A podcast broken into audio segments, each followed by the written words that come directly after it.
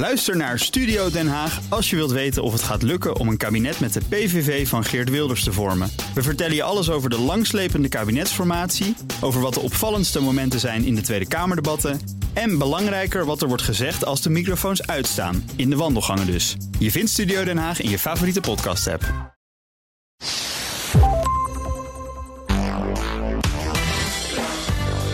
Welkom bij de Ben Tigelaar podcast bij BNR, de podcast over persoonlijk leiderschap. Elke week hebben we tips en inzichten van heel inspirerende gasten die ons helpen om ons verder te ontwikkelen in werk en de rest van ons leven. Mijn naam is Ben Tigelaar en mijn gast in deze aflevering is Margriet Sitskoorn. Margriet, welkom.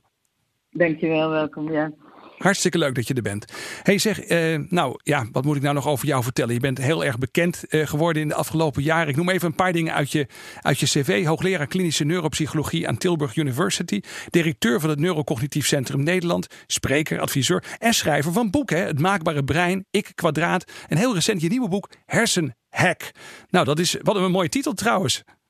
Ja, goede titel, met een dubbele betekenis. Oh, leg me eens uit, want ik, ik, ik, ik hoor er één betekenis in, maar wat is de dubbele, wat is de tweede betekenis? Ja, wat de meeste mensen denken bij hacken, dan denken ze aan inbreken en overnemen. Nou, daar gaat het boek zeker over. Hè? Inbreken in de hersenen en gedrag en gevoelens overnemen.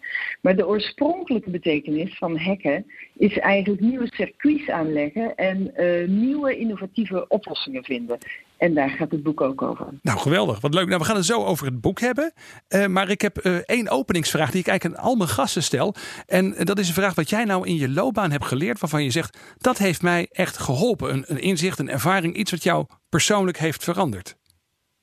Nou, wat mij heel erg heeft veranderd en wat ik echt zou willen dat ik uh, eh, 30 jaar eerder uh, had geleerd, is dat ik uh, vooral werkte met doelen en voortdurende to-do-lijsten. En alles moest af, altijd maar door, alles af. Ja. En ehm, wat ik nu doe, is, ik heb natuurlijk nog steeds doelen en wat to-do-lijsten, maar ik ben niet meer alleen maar heel dwingend bezig met alle dingen moeten voortdurend af. En ik moet alles maar door, door, door. Ik deel mijn dagen helemaal anders in uh, dan dat ik jaren gedaan heb. En dat betekent dat er veel meer ruimte is om te bewegen, veel meer ruimte is om uh, normaal te lunchen. Um, en ook uh, heel veel ruimte voor een not-to-do list. Dus, oh, de, ja. de, de stop-doing list, de not-to-do list. Oh, dat is heel interessant, ja. Ja. ja. Ik ben heel benieuwd. En je zegt dat had ik 30 jaar eerder moeten weten. Dus ik begrijp van jou dat ja. het een vrij recente verandering is, of niet? Ja, dat klopt wel. Ik denk dat ik dat uh, ja, echt uh, heel erg door heb gezet in de laatste twee jaar. Oké. Okay. Dat ik daar echt heel erg uh, naar leef. En het gekke is, je zou denken dat gaat ten koste van productiviteit. En dat is net niet. Het, uh, het, ja, het laat alles beter lopen. En daarbovenop slaap je beter, leef je gezonder enzovoort. Ja. Maar um, ja, het, ik had echt veel eerder moeten doen. Maar vertel eens even, betekent dat dat je veel strenger selecteert bij de poort? Want bedoel, ik kan me niet voorstellen, dat lijkt mij, jij met het type die daar, dat je, dat je alsnog een hele lange to-do-lijst hebt en gewoon denkt, nou, laat maar. Hè? Dus waarschijnlijk selecteer je veel strenger wat je niet en wat je wel doet. Dat klopt, dat heb je goed ingeschat. Het is niet altijd meteen bij de poort. Het is uh, ook dat er soms wat meer ruimte nu wordt genomen. Uh, dat ik niet meteen ja zeg. Hè. Ik, ik, ik vind alles leuk, zie overal uh, mogelijkheden ja. in. raak heel snel gemotiveerd voor dingen. Um, maar soms denk ik wel, moet ik even over nadenken. En dan staat het wel op een lijst, maar dan wordt toch, uh, komt het toch ook wat sneller dan eerst misschien op de not-to-do-lijst. Oké, okay, dat is interessant. Um, dus je zegt tegen mensen, nou dat is een leuk idee, dankjewel. Daar denk ik over na. Je bouwt even wat reflectietijd in voor jezelf voordat je meteen ja roept. Ja, inderdaad. En, dat, uh, en ik zeg het niet altijd meteen, maar bijvoorbeeld als je kijkt naar je maillijst, hè, dan komt er dagelijks, nou ja, hoeveel verzoeken binnen, vele verzoeken, uh, die ik vroeger altijd meteen afhandelde. En dat doe ik nog met heel veel, uh, ja of nee. Maar er zit, zit nu een lijstje bij. En dat is het lijstje, oh, daar ben ik enthousiast over, maar. Oké, okay, ja. Uh, dat wordt wat later afgehandeld. Wat slim, ja. ja. Oh. En aan de andere kant denk ik altijd bij mezelf, ik begrijp dat je dit nu hebt besloten, dat je nu zeg maar de afgelopen twee jaar zo werkt. Maar aan de andere kant zou je kunnen zeggen, in de opbouw van je carrière, en dat geldt denk ik ook voor veel jonge luisteraars misschien wel naar deze podcast, geldt natuurlijk dat, nou ja, als ik naar jou kijk, dan heb je de afgelopen zeg 15, 20 jaar volgens mij wel heel hard gewerkt. En dat heeft je ook veel gebracht. Absoluut, absoluut. Dat hele harde werken heeft me ongelooflijk veel gebracht. Maar als ik terugkijk, zitten daar ook wel een hoop zinloze dingen uh, tussen. Ja. Ehm, en dan bedoel ik met name dat je. ehm, eh, kijk, de mail is alleen maar erger geworden en voller geworden. En dat heeft natuurlijk ook met mijn eh, carrière te maken. Ja. Maar voorheen deed ik toch ook wel heel veel dingen waarvan ik misschien toen ook wel had kunnen bedenken. Nou, dit heeft niet zo'n hoge prioriteit. Of eh, is dat niet de taak van iemand anders? Of eh, meer dat soort dingen. Ja. Dus het, het prioriteiten stellen, het eh, eh, op tijd rust nemen, niet alleen maar doorgaan. Is ook op jongere leeftijd denk ik verstandig. Wat wel zo is, eh, wat ook in jouw vraag wel besloten ligt, is dat heel veel dingen kan je nog niet van tevoren zien wat Nee. ze jou brengen. Nou ja, dat En, was bijna eh, de vraag die ik ja. nu wilde gaan stellen. Want ja, je moet eerst een hele hoop dingen doen die misschien achteraf niet waardevol blijken te zijn. Om erachter te komen dat ze niet waardevol zijn. Ja, dat klopt. En daarom bestaat de verandering eigenlijk uit twee delen. Het ene deel is misschien wat meer als je eh, al wat verder in je carrière bent. Dat je dus ook makkelijker en meer nee tegen bepaalde dingen moet zeggen. Maar het andere deel is, en dat is zeker ook heel goed als je eh, nog meer in het begin van je carrière bent, is dat je je tijd anders indeelt. Het alleen maar uur na uur na uur na uur door blijven werken. Eh, daarvan weten we nu uit onderzoek dat dat uiteindelijk je productiviteit alleen maar naar beneden haalt. Dat het de efficiëntie van je werk naar beneden haalt. Dat je meer fouten maakt. Ja. Dus het indelen van bewust even de trap op en af in het gebouw. Of even naar buiten. Of eh, even een nieuw kopje thee. Maar wel met een goede wandeling. Of even bij die buur eh, eh, iets langer praten. We weten nu daarvan, of even niks doen, uit het raam staren, Ja. dat dat eigenlijk heel goed is voor je productiviteit, je concentratie en alle dingen die je wil doen. Maar nou, nou willen we het ook weten. Hè? Want dan wil ik, wil ik eigenlijk wel weten. Hoeveel tijd hou je dan bijvoorbeeld als marge aan tussen afspraken? hè? Ik kan me voorstellen dat je zegt, nou ik heb een afspraak, daarna weer eentje. Maar hoeveel tijd moet er dan voor jou tussen zitten om even gewoon die marge te hebben? Om even, nou ja, Nou, ook aan andere dingen toe te voorheen- komen. Ja, voorheen zat daar niets tussen. Ik kwam binnen eh, en het was van voor, uh, vroeg, s avonds laat eigenlijk voorgepland. Ehm, ik ben niet de marge gaan vergroten, maar eigenlijk, nou, je zou het wel zo kunnen zeggen. Maar ik merkte dat eigenlijk standaard voor een afspraak een uur ingepland wordt. Dat heeft heel veel te maken met, je, eh, eh, met de agenda. Ja, als de secretaris iets intypt, of als je dat iets intypt, dan, neemt hij daar automatisch een uur Ja, dat gaat vanzelf in, de, in al die eh, Google Calendar en wat je nog meer hebt. Ja, Inderdaad, en dat is onzinnig. Dus eh, de meeste afspraken zijn makkelijk in een half uur te doen. ja. En eh, wat ik zie, ik blok hele delen in eh, verschillende dagen die ik gewoon blok. Dus daar wordt niks gedaan. Want ik merk ook, je kan wel continu met mensen in gesprek eh, lezingen geven en schrijven. Maar er moet natuurlijk ook een hoop input inkomen voor nieuwe kennis, nieuwe ja. ideeën. Je moet ook af en toe Dus een artikel kunnen lezen, precies. Ja, of iets kunnen absoluut. reviewen. Ja, Inderdaad, dus daar zijn echt uren voor geblokt. En niet met die standaard afspraak van een uur. En wat we tegenwoordig ook veel doen, is sommige eh, vergaderingen doen we bewust via de telefoon. Klinkt heel gek, want ook al zitten we met elkaar in de gang. eh, we hebben gemerkt dat het dan veel effectiever is. ja, ja je bent veel meer to the point hè, als je samen inbeeldt. Ja, dat is heel, dat is heel herkenbaar. Ja. Ja, dus dat doen we. En het tegenovergestelde misschien wel net, is dat we vaker met de groep naar buiten gaan. Eh Tilburg University ligt in het bos.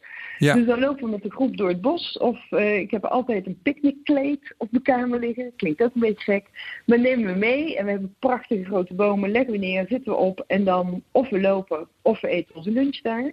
En dat zorgt er ook weer heel veel voor dat een hoop andere afspraken die ik anders één op één met mensen moet plannen niet meer hoeft. Zodat we sociaal aan bepaalde dingen werken en Precies. niet meer iedereen apart. Interessant. Hey, en dan nog even gewoon de laatste vraag dan misschien. Maar als een uur niet meer de default setting is, wat is dan nu zeg maar het uitgangspunt? Een half uur? Is dat waar je op begint als je een afspraak probeert te krijgen met jou? Max een half uur in het begin? Ja, dan eh, staat dat op een half uur. Ja. En, maar dat zeggen we dan er niet bij, nu dus wel, is er eigenlijk een uitlooptijd van een half uur, die ik nooit op die manier dan volmaak. Nee, nee, ik snap het. Maar dan heb je in ieder geval die buffer eigenlijk. eh, en die, die is wel gekoppeld aan een afspraak. En die is niet ingevuld met iets anders. Ja, en wat enorm daarbij helpt, is dat je dus eh, tijden hebt voor afspraken. En het eh, blokkeren van agenda van bepaalde uren waarin geen afspraken eh, komen. En dan is wel de truc dat je die niet toch laat vollopen met al die afspraken die eh, anders niet gepland kunnen worden. Ja, nee, ik snap het helemaal. Nou, ik vind het heel grappig om het te horen. Want ik kom het veel tegen bij mensen die ik spreek. En zeker ook als je praat is over, nou ja, een mooi onderwerp als persoonlijk leiderschap. Als je je agenda niet onder controle hebt, ja, dan heb je eigenlijk ook vaak je leven niet onder controle. En het, lijkt zo banaal, maar als je het niet goed regelt, gaat het goed mis, denk ik. Ja, en het uh, rare is, je zegt het al, het lijkt zo banaal dat iedereen snapt dit. Maar de meeste mensen uh, passen het niet toe. En dat heeft bij mij dus ook heel lang geduurd. Omdat je toch een druk voelt om bepaalde afspraken zo lang in te plannen, zo vaak in te plannen. dat is ook iets standaards. Wat je ziet, de default mode van uh, hoe vaak een bepaalde afspraak moet. Nou, dat wordt altijd gezegd iedere maand, iedere week of ieder kwartaal. Ja. ja dat hoeft heel vaak niet. Nee, nee. Grappig. Nou, dat, dat, dat is leuk. leuk. Dat is nog maar de eerste vraag. We gaan eens even door naar jouw eh, nieuwe boek, Hersenhack. Daarin laat je eigenlijk zien hoe makkelijk onze hersenen uh, te hacken zijn, onder meer door bedrijven. Uh, je vertelt ook hoe we ons kunnen verweren. In het boek zeg je allerlei persoonlijke problemen, maar ook wereldproblemen komen voort uit de manier waarop onze hersenen werken. Kun je dat eens uitleggen? Ja, we uh, leven in een bijzondere tijd. We leven in een tijd waar informatie heel uh, snel, heel vaak en in grote blokken van informatie naar je toe komt. Dat is uh, miljoenen jaren niet zo geweest bij de mens. Dan ging dat toch op een beetje andere manier. Dan kreeg je de informatie die in jouw omgeving belangrijk was. En wat aan de andere kant van de wereld gebeurde, ja, dat kreeg je helemaal niet mee. Dat is tegenwoordig anders. Alleen het probleem is dat de hersenen ontwikkeld zijn over die hele lange tijd dat die informatie ja, op een langzamere manier, in, in minder grote hoeveelheden en zeker niet op zo'n grote afstand, je hersenen binnenkwamen. Um, daardoor zijn er allerlei mechanismen in de hersenen ontstaan die informatie die binnenkomt op een bepaalde manier verwerken. Dat heeft ons heel veel opgeleverd al die tijd, daarom konden we goed overleven. Alleen vandaag de dag, omdat die uh, informatie anders binnenkomt en in grotere hoeveelheden, zijn die mechanismen van informatieverwerking niet meer toereikend en dat leidt tot problemen. Oké, kun je daar eens een voorbeeld van geven? Ja, bijvoorbeeld. Um, als je je digitale telefoon uh, of je smartphone hebt uh, en je zet alerts in en je hebt Snapchat en je hebt misschien nog Facebook en je hebt nog WhatsApp, noem maar wat op dan krijg je eigenlijk de hele dag berichten binnen. Dan krijg je de hele dag informatie binnen, gevraagd en ongevraagd.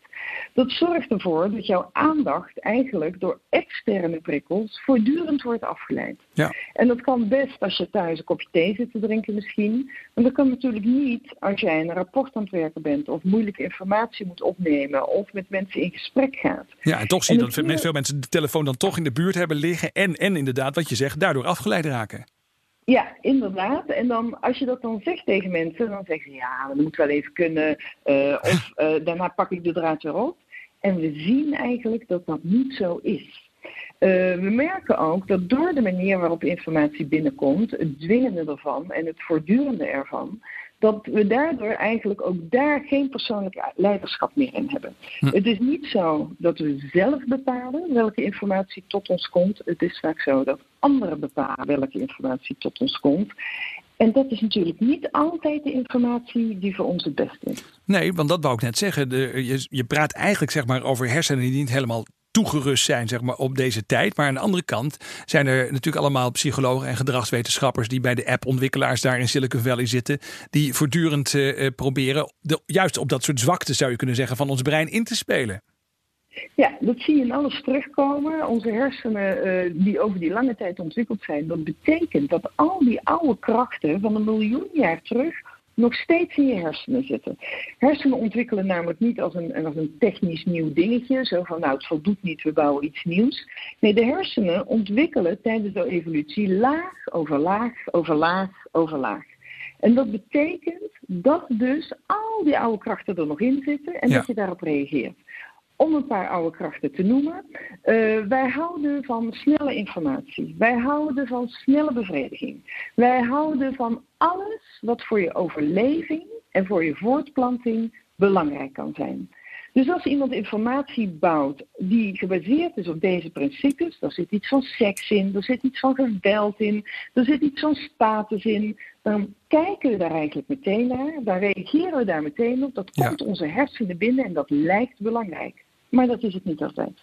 Nee, nee, dat is, en, dat, en dat weten we, we zeiden het al, hè, dat weten marketingmensen aan de andere kant of, of gedragsonderzoekers bij de, bij de grote techbedrijven, die weten dat en die spelen daar voortdurend op in. En iedere keer voel je je soms ook wel weer een beetje bedrogen. Dan denk je aan het einde van de dag, nou heb ik daar nu al mijn tijd aan, aan besteed. Jazeker. En wat je ook ziet is dat we heel veel angsten ontwikkelen die helemaal niet reëel zijn. Oké, kun je dat eens uitleggen? Angsten waarvoor dan? Ja, uh, bijvoorbeeld uh, de angst voor um, uh, allerlei ziektes of de angst voor een terroristische aanslag en om daarin betrokken te zijn. Als je kijkt naar wat de kans is dat je in een terroristische aanslag terechtkomt, dan is dat 0,000. Nou, en, en nog een, wat achter de komma. Ja, Die is ja. echt heel Je hebt de grotere klein. kans om de staatsloterij te winnen, zeg maar. Ja, inderdaad. En zeker een grotere kans om een verkeersongeluk te krijgen of aan longkanker te overlijden. Om het gesprek uh, wat minder vrolijk te maken. Ja. Maar um, toch is het zo dat wij, omdat wij voortdurend blootgesteld worden aan bepaalde beelden en aan bepaalde taal, dat het angstsysteem in onze hersenen heel erg sterk getriggerd wordt. Dat wordt nog eens getriggerd met beelden die vaak herkenbaar voor ons zijn. Hè. Stel je voor dat er een aanslag is op een plek waar je ook wel eens kwam, of in een bioscoop waar je wel eens Ja, komt. ja. Uh, dan herken je dat. Uh, de hersenen herkennen dat.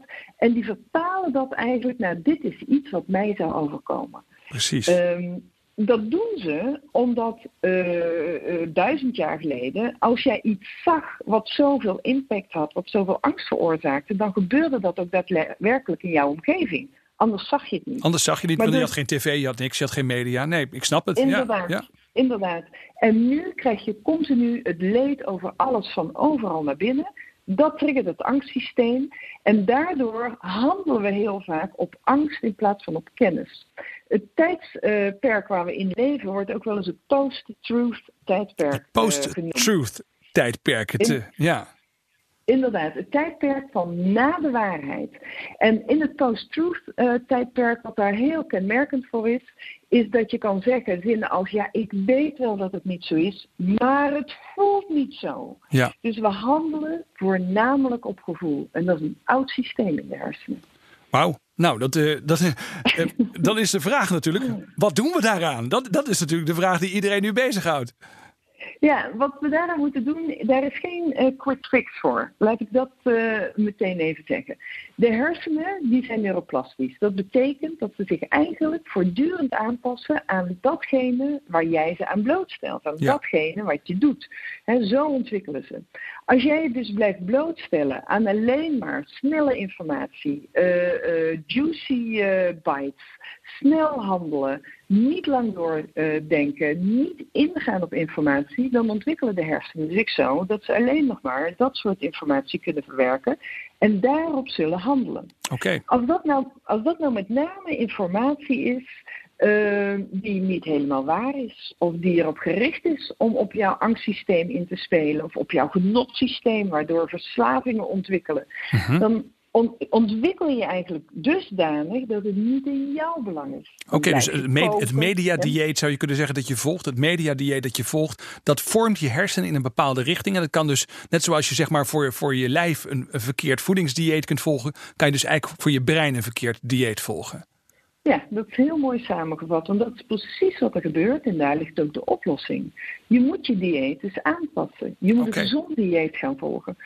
Hersenen die niet geprikkeld worden, niet geprikkeld worden met dat wat de realiteit is, die ontwikkelen zich dusdanig dat ze niet meer op de realiteit aansluiten. Dus wat je moet doen, is je moet gaan bepalen wat is voor mij belangrijk. Daar Ja. moet je achtergronden bij zoeken. Daar moet je de waarheid bij zoeken. Of in ieder geval de kennis van het moment. Je moet leren je eigen aandacht weer te richten. En niet alleen maar dat die gericht wordt door buitenaf. Maar door wat voor jou belangrijk is.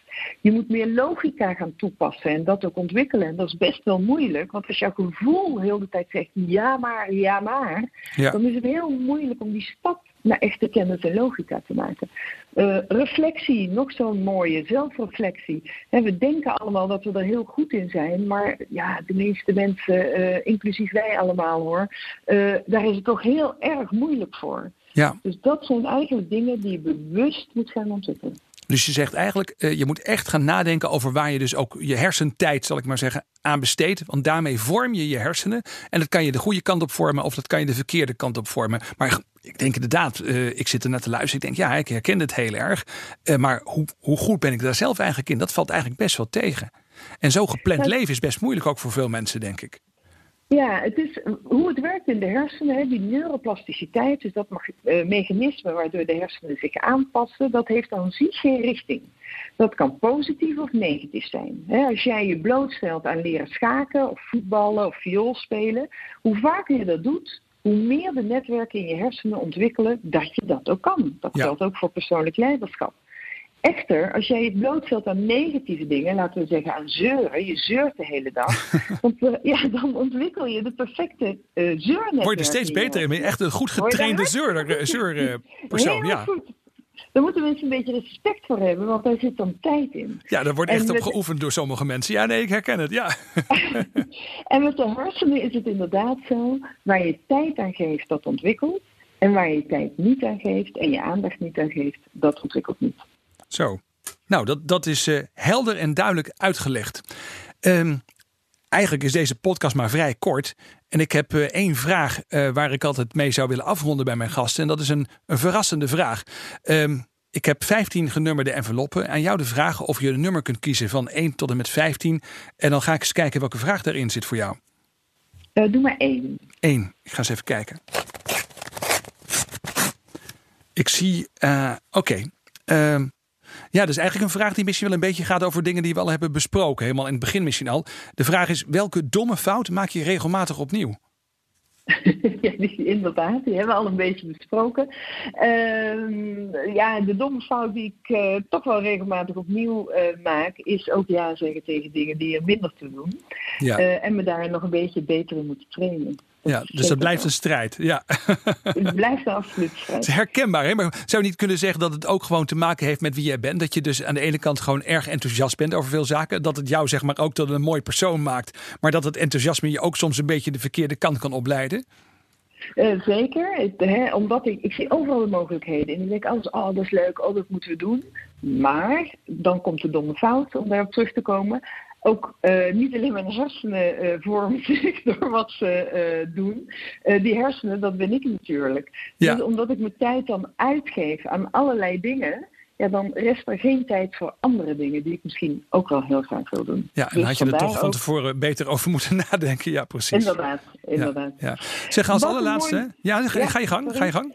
Ja, ik wou nog zeggen wat daar een uh, mooi hersenmechanisme in is, wat heel inzichtelijk is, uh, denk ik, voor mensen, is, en dat noemen we delayed discounting. De hersenen werken zo dat alles wat dichtbij is, leuker lijkt dan alles wat ver weg is. Dus daar zeg je eerder ja tegen. En alles uh, wat dichtbij is en vervelend lijkt, laat je eerder omdat de pijn groter lijkt in de tegenwoordige tijd dan alles wat in de toekomst komt. En daardoor maak je soms een beetje uh, onbesuisde beslissingen. Ja, ik begrijp het. Ja. Zeg, uh, als allerlaatste je mediatip. Uh, we hebben nu zeg maar, natuurlijk, we gaan jouw boek Hersenhek lezen. En helemaal nu het verhaal erover, zeg maar, zo'n klein beetje, dat je van een tipje van de sluier hebt opgelicht. Dank je wel daarvoor. Maar is er nog meer waarvan je zegt, nou, als je dan toch bezig bent, uh, kijk eens naar die TED-talk. Of uh, luister eens naar deze podcast. Of lees dit boek eens. Wat is nou een, een mediatip als we onze aandacht goed moeten gaan besteden? Hè? Daar hebben we het over gehad. Waar zouden we volgens jou aandacht aan moeten geven? Welk mediaproduct zou de moeite waard zijn? Ja, uh, misschien de podcast van de Topsport Community. De Topsport Community, daarin uh, spreken ze met mensen uit het bedrijfsleven, uit de wetenschap en uit de topsport. Okay. En dat gaat eigenlijk heel vaak over persoonlijk leiderschap. En dan met voorbeelden en mensen die door de wol geverfd zijn. Ik vind dat ontzettend interessant. Dat wordt onder ehm, meer door Pieter van de Hogeband, geloof ik, geregeld. Ja, hè? Die, is die is daar. van de Hogeband. Ja, leuk man. Ja. ja. En uh, momenteel ben ik zelf bezig in het boek Homo Deus. En dat uh, inspireert me enorm. Oké, ja, ja. Oh, hoe heet de schrijver ook alweer? Weet jij het uit je hoofd? Uh, ja, Jaël, Noah. En dan de, zijn achternaam ben ik even kwijt, eerlijk gezegd. Oké, we gaan het opzoeken. Gaan het opzoeken. Ik zorg dat het online komt te staan. Het boek Homo Deus en aan de andere kant de Topsport Community. Uh, Margriet, ontzettend bedankt. Fijn dat je te gast wilde zijn in deze podcast. Dat je je ideeën met ons wilde delen. Dit was de Ben Tichelaar podcast bij BNR met als gast Margriet Sitskoorn. Vond je dit interessant? Check dan ook de andere podcasts op www.bnr.nl slash.